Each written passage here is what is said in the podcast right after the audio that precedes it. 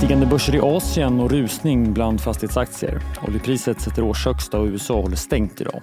Stockholmsbörsen ser ut att öppna försiktigt uppåt. Det är måndag den 4 september. Du lyssnar på det i Morgonkoll. Jag heter Alexander Klar. det är stigande börser i Asien. Fastighetssektorn lyfter på bred front efter att den kinesiska staten under förra veckan presenterade flera lättnader för sektorn. Man har både sänkt handpenningskravet, speciellt för förstagångsköpare och även uppmanat banker att sänka räntor på befintliga bolån. Det rapporteras också om att antalet bostadsaffärer ökade över helgen. Det krisade fastighetsbolaget Country Garden rusar hela 15 procent efter att man tillåtits att skjuta upp betalningar på en utomstående obligation. Men nya problem hägrar. Redan kommande dagar kommer en ny deadline för det Hongkong-listade fastighetsbolaget.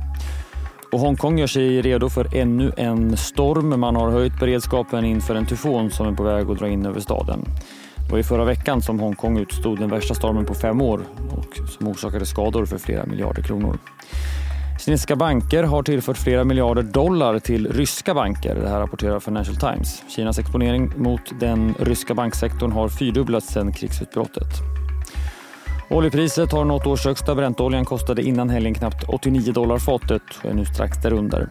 Oljekartellen OPEC har sagt att man kan komma att förlänga produktionsneddragningarna samtidigt som vi i förra veckan fick något starkare signaler från den kinesiska industrin. Det är som sagt stängt på Wall Street idag på grund av Labour Day. Man avslutade förra veckan svagt uppåt efter någon från payroll-siffrorna som visade på en starkare arbetsmarknad i augusti än väntat samtidigt som den tidigare julisiffran reviderades ner. Flera gör bedömningen att chanserna för att den amerikanska centralbanken ska lyckas med en så kallad mjuklandning har ökat något. Det kom också besked innan helgen om omviktningar av index. Bland annat så kommer uthyrningstjänsten Airbnb och investmentbolaget Blackstone att ta plats i S&P 500 om två veckor. Sverige så, bostadspriserna och villapriserna steg i augusti, det visar den statliga SBABs månadsmätning. Villapriserna var upp 1% säsongsrensat, men i vissa regioner har priserna rusat desto mer. I norra Sverige steg villapriserna med hela 7% På fredag kommer ytterligare bostadsstatistik från Mäklarstatistik.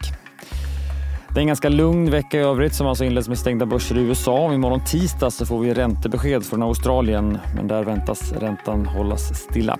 Imorgon inleds också rättegången här hemma mot de ICA-handlarna som misstänks ha haft information om budet på ICA och handlat därefter. Imorgon tisdag också PMI, inte minst kinesiskt tjänste-PMI. Och senare under morgonen som vanligt i Börsmorgon i DTV med start kvart i nio. Det blir mycket fastigheter och banksnack. Programmet kommer också som podd senare under eftermiddagen. Det är Morgonkoll. Jag är tillbaka igen imorgon bitti. Jag heter Alexander Klar.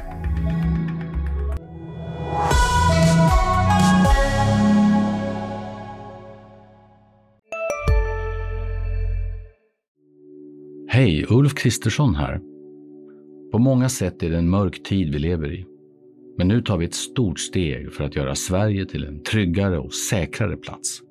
Sverige är nu medlem i Nato. En för alla, alla för en. Har du också valt att bli egen?